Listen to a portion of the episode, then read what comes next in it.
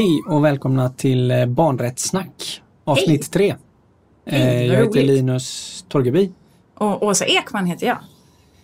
Idag så spelar vi in på en eh, lite speciell plats, nämligen en cykelaffär och verkstad. Ja. I ett lunchrum. I ett lunchrum med massa cyklar och däck och hjälmar och allt möjligt här. Eh, Child Store i Göteborg. Ehm, vad, har du om cykel? Det, det är nästan så vi skulle kunna tro att vi var sponsrade Ja, verkligen. Och, och det kanske vi kan säga att vi är lite halvt då eftersom Ja. vi får vara här idag. Men vad jag, vad jag säga om cyklar? Eh, jag vet inte vad ska jag säga om cyklar. Tycker du att ehm, alla barn borde få en cykel? Ja, Du tänker om det skulle vara en rättighet? Ja, Alltså det står ju inte i barnkonventionen. Däremot så tänker jag att det står ju faktiskt i barnkonventionen att eh, alla barn har rätt till lek och rekreation. Och, och det är väl ändå cykel? ja. Eller? Absolut. eller vad tänker du? Nej men jag, tyck, jag, jag, jag tycker att eh, cykel är ju en sån eh, så jätteförknippat med barn på något sätt. Att cykla iväg och cykla runt och cykla dit och cykla hit och kunna ta sig någonstans. Det är också någon slags frihet för barn. Det är ett så frihetssteg när man är barn. När man, och, och, så, och så sen också att man får då, du får cykla hit men inte dit. Och, Ja, precis. och någon får cykla någonstans och så får ett annat barn inte cykla dit. Eh, Och om du inte har lärt eller inte har möjlighet att kunna cykla så blir det ju också väldigt begränsande. På Ja. samma sätt som det är en frihet att eh, kunna cykla iväg. Ja, precis. Ja. Sen, sen finns det ju en mörk sida på cykling också. Det är ju alla de här fruktansvärda cykelvurporna man... som- har du som- någon sån du tänker på specifikt? Alltså, nej men eh, jag, alltså jag, jag vet en gång när jag... eh, Många gånger när jag ramlade med cykel men eh, en gång specifikt när jag lånade en kompis cykel och hade en badkasse, du vet sån här nätbadkasse som Mm. sv- svängde in i hjulet och jag bara flög framåt. Och, och sen hade jag ett av mina barn slog ut två framtänder på cykel. Nej, och det var också som man bara, varför? Har jag, varför har jag ens köpt cyklar till barnen? Ja. Vad, vad har du för cykel? Kom, har du någon, hade du någon favorit? Har du haft någon favoritcykel? Så bara, "Åh, den cykeln. Det var cyklarnas cykel. Ja, men, jo, faktiskt en, men den, var, den fick jag inte ha sen. Just för att den var nog inte så jäkla safe på Nej. lite olika sätt. Men det var en sån här, du vet, med en sån här avlång sad. Jag kan inte vara... Limpa. Limpa, ja, den var ju så jävla cool. Ja. Den var jättecool. Men jag, jag bara minns den, jag kommer inte ihåg att jag cyklade på den. Ehm, däremot kommer jag ihåg en sån här livsfarlig grej som vi var några som gjorde vid skolan. Alltså jag bodde ganska nära skolan när jag växte upp och då var det och nu försöker jag tänka samtidigt hur många grader det var. Men det, det var ju typ nästan rakt. Alltså det var som Ja. ett streck. Alltså en sån. Fritt fall. Var helt galen. Och, och, då, och i den här, alltså längst ner då från den här backen. Så på höger sida om backen, eller stupet, så var det en liten bäck. Inte djup utan det var, det var med liksom lite plask sådär. Ja. Men det fanns också tre träd. Ja. så att det gällde ju att du liksom verkligen körde mitt emellan. Vilket inte alla lyckades med. Nej. Den var, den var faktiskt livsfarlig. Men den var jävligt rolig. Ja. Eller väldigt rolig. Väldigt rolig var den. Träden från Mordor.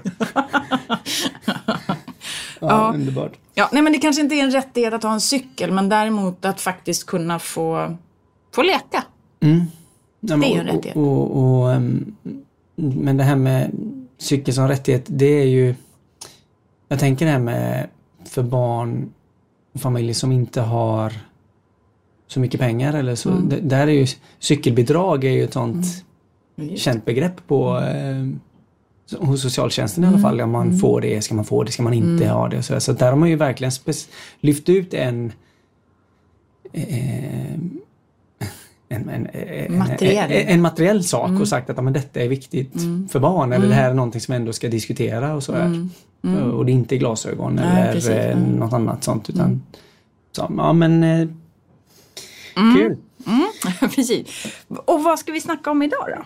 Mm, idag ehm, så, så blir det någon slags tidslinje, läro...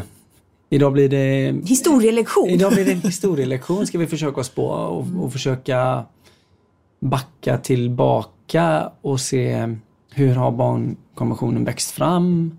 Eh, hur, har, hur har det pratats om kring barns rättigheter? Vilka personer har varit viktiga för alla de här frågorna? Ja, men så det blir en slags tidslinje helt enkelt. Ja, lite för att eh, få någon slags förståelse kring hur har det här, varför står vi där? Vi står och mm. har en nedräkningspodd och nu ska mm. barnkonventionen bli lag i mm. år men det har ju hänt massa saker innan dess.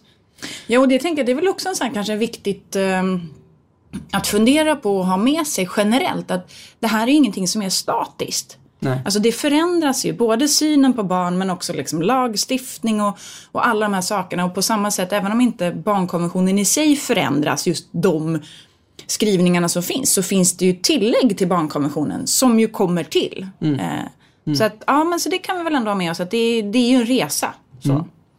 Och, och, vi kommer ju slå ner, vi, vi, tänker att vi börjar någonstans i början på, på 1900-talet och självklart är det så att personer och barn har varit eh, synliga och liksom trätt fram en del innan dess och det finns jätteviktiga saker och i konst och kultur och genom olika personer och i berättelser och sagor innan dess också. Men vi sa att vi skjuter iväg oss i början på 1900-talet. Mm, mm. Och då tänker jag, då finns det ju liksom när man pratar om framväxten av barns rättigheter och diskussionen kring barns rättigheter så är det ju ofta, det är ofta tre personer som återkommer i de diskussionerna. Så att vi kanske ska ta lite, alltså ha dem med oss. Mm. Så. Och, vem bör, och då tänk, om vi ändå nu börjar med liksom 1900-talet så kan vi ju kanske börja i barnets århundrade. Ja. I den boken. Mm. För det är ju faktiskt en bok som hette just Barnets århundrade och det är Ellen Key som, som skrev den. Och det gjorde hon ju lite utifrån att hon tyckte ju att, ja men att om 1800-talet ska vara liksom kvinnoåret när man liksom börjar prata om om rättigheter för kvinnor, liksom där kvinnosaksideologi och så vidare, så tänkte hon att ja, man kan inte 1900-talet bli just barnets århundrade? Det finns ju jättemycket som man kan säga om henne. Bara det att hon har skrivit en bok som heter Barnets århundrade, bara det är ganska ball. Mm. Och var är hon från? Hon heter Ellen Key. Ja, hon, ja men hon är svensk. Ja, men precis, ja. Typ utanför Västervik eller något sånt där tror jag ja, det... hon är ifrån. Mm. Mm. Och, och hon, eh, jag tänka, hon levde ju såklart då efter hon skrev den, men jag kommer inte riktigt ihåg när hon, eh, när hon är född. Nej. Ja men typ så 1849 tror jag mm.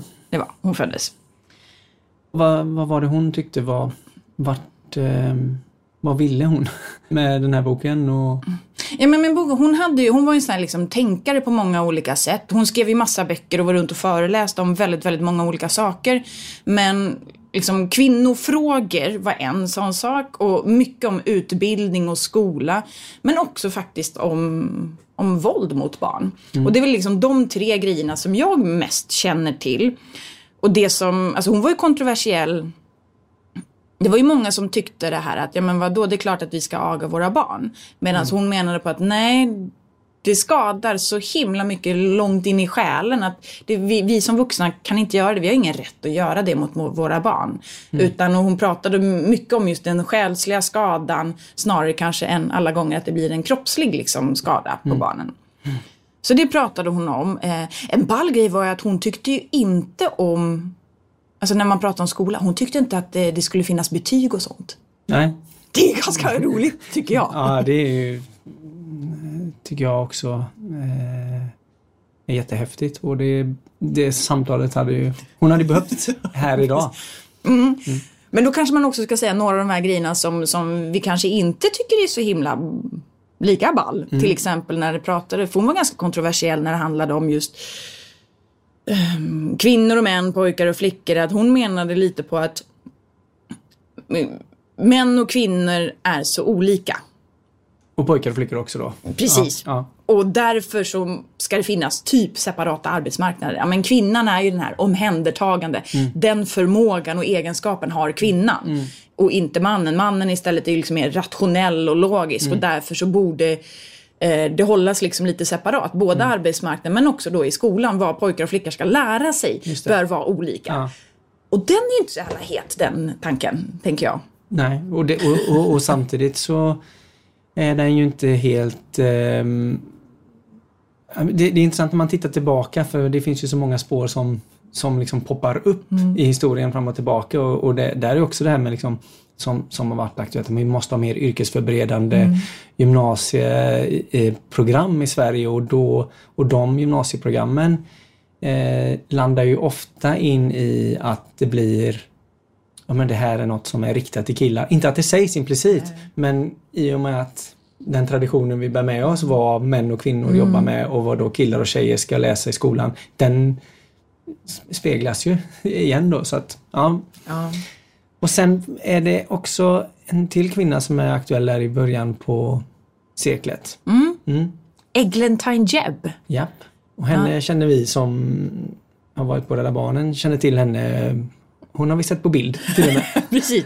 Ja men henne näm hon nämns ju typ alltid när man pratar om tycker jag. Mm. Och, och, då ser jag verkligen så ett citat framför mig som finns på typ massa så här Rädda Barnen powerpoints. Ja. Eh, jag tycker vi borde eh, kräva särskilda rättigheter för barn och arbeta för att de blir erkända över hela världen. Mm. Det är ja, så här, känner du igen det? Ja. Kommer du ihåg den? Och, och, det här med, och det är ju någonting som, det är därför vi har och det är därför det ska bli lag, det här med särskilda, specifika, att på något sätt lyfta upp eh, barn och, mm. och barn har är särskilt utsatta och, och så vidare. Mm. Och, och, det är ju Det pratar hon om redan då och, och där ehm, Där hade vi första världskriget. Eh, mellan 14 och 19 mm. och då var hon jätteaktiv i England, eller hur? För hon är mm. engelska. Ja, exakt. Och ja men hon var ju ja, men barnrättsaktivist ju. Ja. Blev hon ju. Och, och hon gick ju så runt på gator och torg och liksom ja, men spred budskapet om att barn borde ha de här rättigheterna. Och, ja, men det hon pratade mycket om var just det här att ja, men, eh, barn är ju någonstans offer för vuxnas krigföring, vuxnas politik, vuxnas religion och mm, så vidare. Mm. Och det är liksom barn som alltid får ta konsekvenserna av vuxnas agerande. Och hon lyfter ju särskilt utifrån världs, alltså första världskriget är att, ja men lite där man såg så här, fiendebarnen. De ska inte behöva få någon hjälp. Nej. Utan är, vi ska ju bara ta hand om våra barn. Mm. Och det där blir hon så jävla förbannad på. Mm. Och, och, satte igång hjälpsändningar till mm. eh, länderna österut och sådär. Mm. Så, och skickade mat och kläder mm. och, och Men det, det här... fick hon ju inte göra väl? Var det inte så här blockader och grejer? Jo, det var blockader och hon blev satt i husarrest mm. till och med. Mm. Eh, och, och, blev anklagad för att vara liksom förrädare och grejer. Mm. mm. Och sen skickade hon också sina eh, medaktivister till Norge och Sverige mm. och, och sen så startade man hela det här barn, barnrättsarbetet mm. kring Rädda Barnen och, och så ja, och, och det kanske vi inte sa men hon är ju alltså den personen som eh, grundade Save the Children Fund, mm. alltså Rädda Barnen. Mm. Typ 19 maj 1919. Ja, Säger du bara, det var ju, det var ju intressant. Eh. Nej, men, och en annan grej bara som jag tänker som kan vara utifrån att hon gjorde ju allt sådär. Hon kämpade ju för barns rättigheter. När hon som kvinna inte ens hade rösträtt i sitt egna land. Det. det. är ju också bara så mm. ball och viktigt mm. att lyfta. Um, och, och, och, här finns det igen då spår till hur det ser ut idag det här med alltså första världskriget och fiendens barn och, och sådana här grejer. Hur, vilken barnsyn det finns nu och vilka barn som är värda att få stöd och hjälp mm. och mat och alltså superbasala. Det handlar inte om liksom de mest... Eh, det, det är liksom överlevnadsrättigheter om vi säger så. Som, som vissa personer tycker att barn inte borde få på grund av vad deras föräldrar har gjort eller vilken situation deras föräldrar har satt barnen i. Så. Och det tycker vi är ju helt fruktansvärt. Mm. Ja, och, just och det var ju också lite, just de tankarna var ju delar av grunden till att hon då tillsammans med många andra givetvis, men satte ihop en lista på fem punkter som hon tyckte skulle gälla över hela världen. Mm. Där ju bland annat där det står att liksom barn har rätt till överlevnad och när någonting sker så är barn och kvinnor de som behöver få hjälpen först. Mm. Och det blev ju sen den här första, ja, men första dokumentet egentligen om barns rättigheter.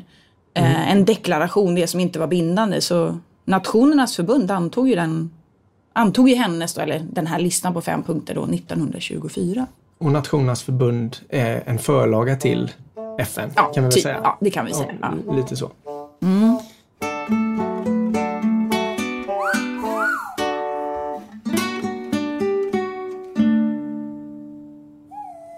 Ja, så mm. Eh, det var två, två kvinnor två där. Två coola kvinnor. Och så sen har vi en eh, man som heter Janusz Korczak. Ja. Från Polen. Nu blir det europeer här.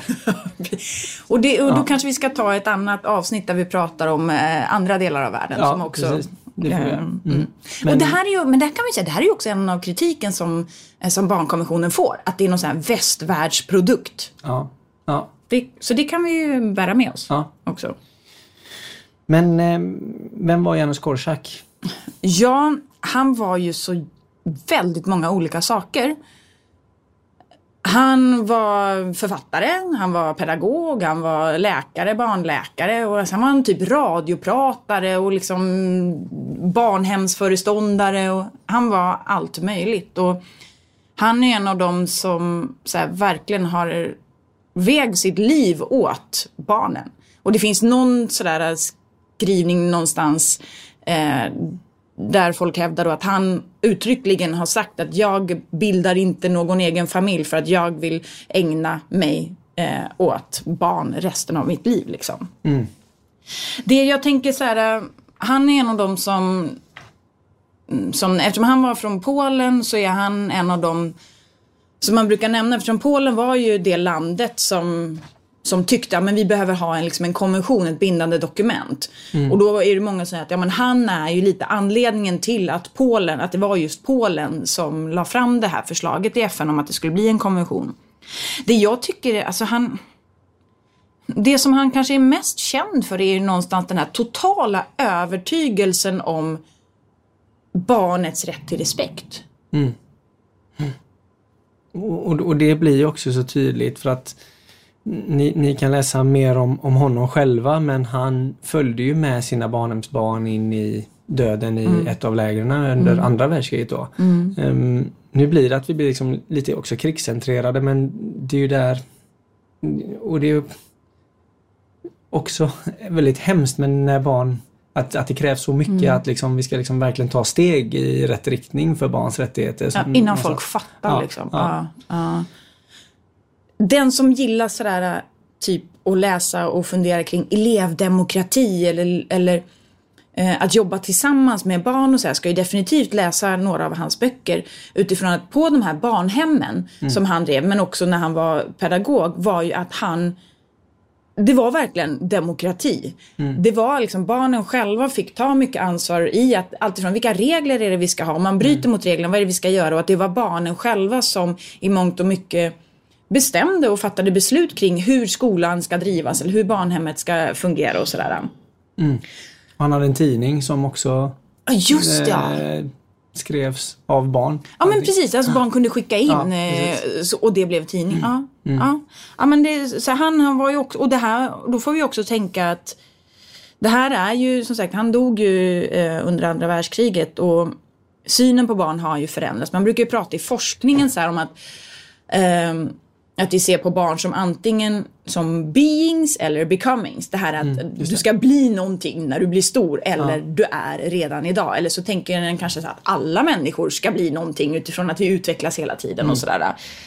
Så han, han har haft en jättestor påverkan i just synen på barn. Och det här är verkligen att aldrig vika ner sig från att barnets rätt till respekt. Sen hade han ju också kontroversiella tankar. Eh, och då brukar man nämna det här att han sa att ja, men barnet borde ha rätt till sin egen död. Just det. Och det är ganska kontroversiellt. Att ett barn måste själv kunna få välja hjälp eller inte hjälp och så vidare. Och det är ju i, i, tänker jag då utan att veta hundra, men ja, i kontexten av att han var barnläkare också själv. Så att det var ju i, i olika sjukdomssituationer. Ehm, i, den, I det sammanhanget på något sätt. Jo men precis. Ja. Men, men då är vi framme. Eh, han har funnits med hela tiden och, och liksom varit och, och det kommer vi höra mer om Polen där och, och lite så men eh, men han dog i andra världskriget och det, där efter andra världskriget skapades ju FN och Unicef. Eh, Vad hände mer där kring efter andra världskriget? Ja men det händer, alltså dels så, tycker de ju inom FN så att ja men okej vi kanske också borde ha något dokument specifikt som är vårat om barns rättigheter. Så då jobbade de ju fram det här äh, 1959 års deklaration. Alltså man, ja men tänk så här, man hottade upp Eglantine Jebbs fem punkter. Eh, och liksom skrev om dem och la till lite punkter, typ rätten till ett namn och lite sådana saker. Mm. Så, så då helt plötsligt hade man en lista på tio punkter som de tyckte att ja, men det här är ändå, det här, det är inte tvingande men ger ändå någon slags vision eller någon slags idé om det här tycker vi är viktigt för alla barn. Och det var ju 59 och sen fortsätter man väl att jobba på men sen så tycker de ju ändå att ja fast det behövs ju vara någonting, vi behöver liksom ändå flytta fram positionerna och, och göra det tvingande. Mm. Och då är vi framme i, ja, på 70-talet, slutet på 70-talet. Mm. 78 tror jag det var något så här världsbarnår i FN. Mm. Där liksom tanken var att alla världens länder skulle fokusera extra mycket på barn. Mm. Just det. Och det var ju då Polen passade på. Just det. Just det. Att tycka, lyfta sig att, ja, men borde vi inte ha en konvention, ett bindande dokument för länderna? Det är intressant när, när, jag vet inte om du har, men när man är ute och föreläser om barnkonventionen och sådär så brukar man fråga en sån här quizfråga.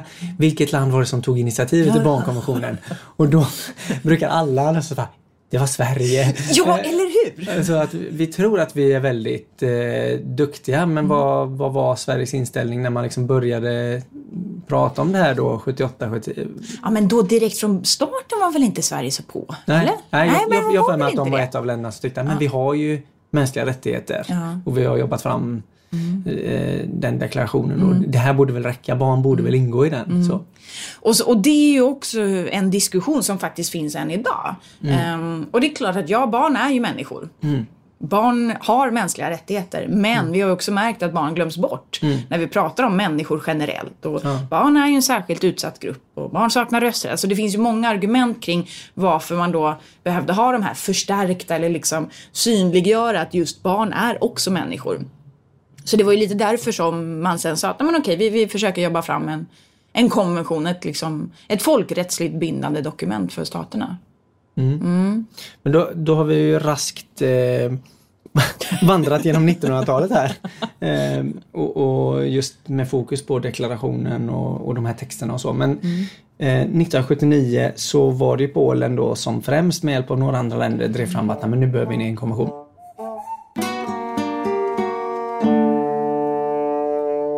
När hörde du eh, talas om barnkonventionen första gången? Vad har du för liksom när blev den något för dig om man säger så?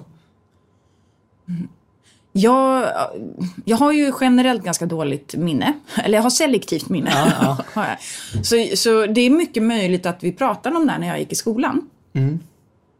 Men jag har inget som helst minne av det. Mm.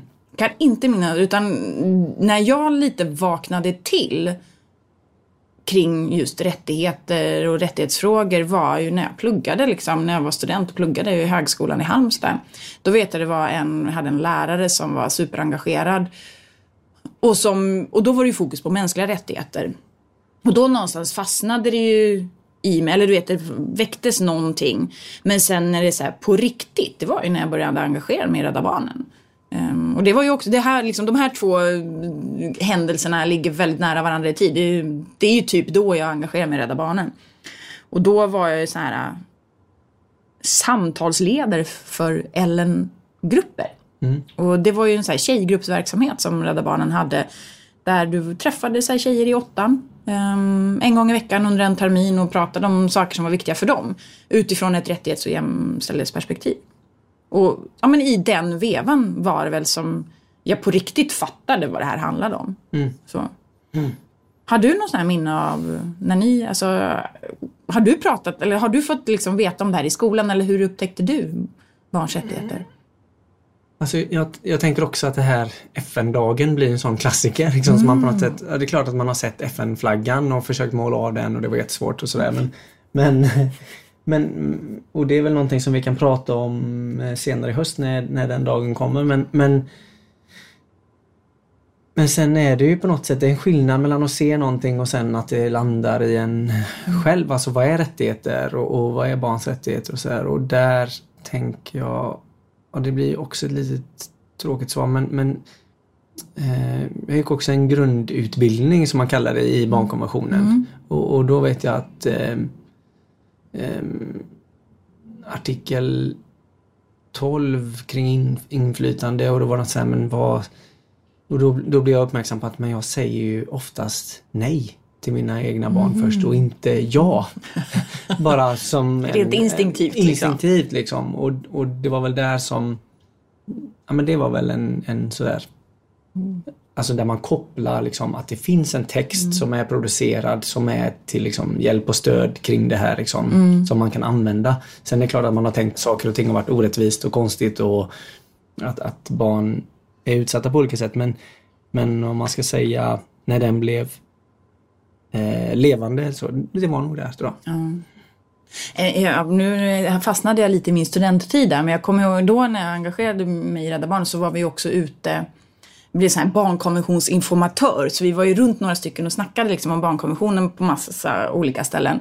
Och då vet jag, jag kommer ihåg när jag skulle göra det för barn och unga, att jag gjorde om Grynet, du vet Grynet-karaktären, ja, hennes eh, lagar eller regler, gjorde om dem, och, eller inte gjorde om dem, men gjorde referenser till barnkonventionen. Alltså ta ingen skit, du, får bli, alltså, du kan ja, bli kär i vem du vill och allt det här liksom. Mm.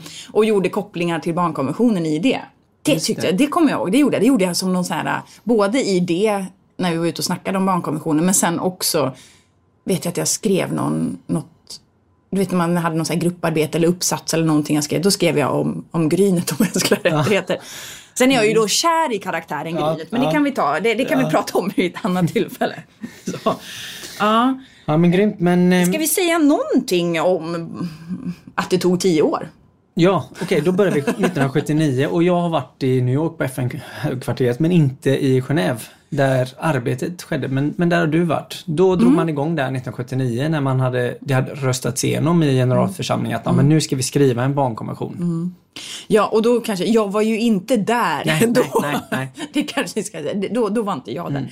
Men ja, jag har varit i Genève och jag, det rummet som Sverige granskas i oftast. När, mm. För, för det, länderna granskas ju vart femte år för arbetet med barnkonventionen. I samma rum som den här liksom, utfrågningen sker Mm. Det är samma rum som de 1924 antog Eglantine Jebbs fempunktslista. Mm. Så det är ganska ball. Ja. Så.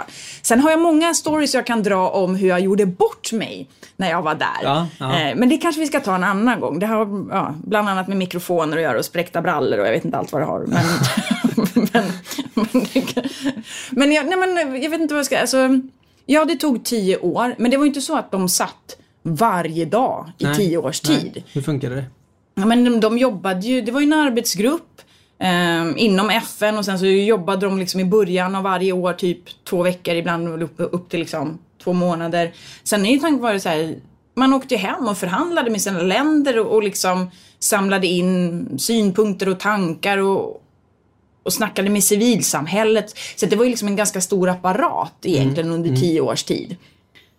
Och här kan man då också säga, apropå det här med att det är en eh, västerländsk produkt, eller man ska säga, att det är klart att de eh, ekonomiskt rikare länderna hade ju mer resurser och mer mm. folk och kunde lägga mer tid och, liksom så på att liksom formulera sig och, mm. och civilsamhället hade kanske också mer resurser från de här länderna. Men, men man kan väl säga att produkten, eh, eller barnkonventionen, är ju också skapad utifrån national, nationalstaten eller mm. länders mm. tankar och liksom och sådär. Um, så att ett land kunde då säga, men det här tycker vi är en jätteviktig fråga med rätt till eh, eh, säga, skälig levnadsstandard mm. eller rätt till hälsa eller mm. sådär. Mm. Och, och, och, där blev det då liksom krockar när man kom tillbaka med en fråga som eh, eh, barnarbete mm. eller eh, mm. när ska man få gå i krig och mm. sådär. Mm. Alltså vissa frågor var ju väldigt eh, olika mm. så, så det tog ju tid och det var inte bara för att det handlar ju om att man kanske jobbar då, vad sa du, i början på året, två veckor eller en månad eller sådär. Ja, och sen pågick det ju massa så här lobbyarbete från civilsamhällesorganisationer och det bildades ett nätverk i Genève med massa olika organisationer som liksom tryckte på. Eh, och det finns ganska mycket så här, eh, det finns ganska mycket böcker om just den här perioden. Mm. Och för den som är, vill så här nörda ner sig rent, alltså så här rejält, mm. så finns det ju alltså alla minnesanteckningar, alla uttalanden, allting under de här tio åren finns sparat i två jättestora tjocka böcker som är rosa, som heter något sånt här Legislative History of the Convention on the Rights of the Child eller någonting sånt. Mm. De har jag hemma. Ja. så så de, de, kan vi, de kan vi bläddra i någon Ja, gång. ja. Ehm, Ja, men jag vet inte, men vi kanske ändå ska säga att 20 november 1989. Då, då um, spikades, då antogs barnkonventionen i generalförsamlingen. Ja. Eh, och då, jag har sett bilder när eh, Javier Pérez de Cuellar står med barn från olika länder i liksom folkdräkter och sådär. Aha, just Har du sett den bilden? Nej, Nej. Det, jag vet inte vad det är. Nej. Och då, och då vet jag också när, eh, och det här är också intressant, men hur mycket var barn med och skrev konventionen och vad saknade, hur mycket var, vet du det eller? nej, men de var ju typ inte med. Nej. För där vet jag också att jag har hört berättas om att men, barn som var med då vid den här presentationen och, och skulle liksom ehm, ja, finnas med där. Då var det någon som fick gå upp och säga någonting och vad, vad saknade i konventionen och då var de som men alla borde ha rätt att bli älskade åtminstone av en person och alla borde ha rätt till åtminstone en kompis. Så att det är ju också det här jätteintressanta kring, okej, vad hade hänt om vi bara, om barnkonventionen var skriven helt av barn liksom? Exakt. Ja, men och det där tänker jag också, då blir det ju väl så himla tydligt att ja, men barnen fick inte vara med i processen direkt. Nej. Att skriva. Sen vet inte jag om de olika civilsamhällesorganisationerna eller vilka dialoger som de olika länderna hade hemma. Alltså, Mm. ja. det, det, är, det är mycket möjligt att det skedde. Men det är ändå så att barnen var ju inte med ordentligt i processen att arbeta fram det. Men sen skulle de stå och hålla något tal i Ja. FN när det ska anta, när det liksom redan var klart. Mm. Det skulle vi kunna säga lite symbolism och, och Ja, lite sånt här, ja. liksom att använda barn. Eh, Och det är ju så vi eh, tyvärr jobbar på olika sätt fortfarande så, mm, kring när vi ska liksom ta fram olika material eller metoder eller vad jag säger som, som ska vara till barns fördel eller gynna barn så är det oftast att vi missar att inkludera dem i processerna att forma det så. eller nu bygger vi en ny stadsdel. Ehm, och så, ja men kan inte barn vara med och liksom ta fram spaden i där och liksom börja köra Ja. första spadtaget. Ja, men ja. har de överhuvudtaget ens varit med i någon dialogprocess inför det? Att det ska vara just det där som ska byggas där och där. Eller vi slänger in en barnkör som säger någonting så har de ingen a- eller sjunger och så har de ingen aning om i vilket sammanhang Nej. de är. Så att, ja. Men, men det där är, mm, är en annan fråga. Men jag tänker lite som så här att det kan ju vara, man kan ju både inspireras och tycka att det är skitball att det finns människor som liksom har verkligen ägnat hela sina liv åt att förändra och göra världen bättre för barn. Och tillsammans med barn. Men vi vill väl inte att man ska känna sig så här, äh, man vill väl peppa, men alla kan ju faktiskt göra grejer. Eller vad, vad tänker du kring det? Ja, absolut. Och jag tänker att många eh, människor det brukar jag säga ofta när jag är ute och, och, och liksom möter människor som jobbar med barn på olika sätt att ja, men du uppfyller redan barnkonventionen.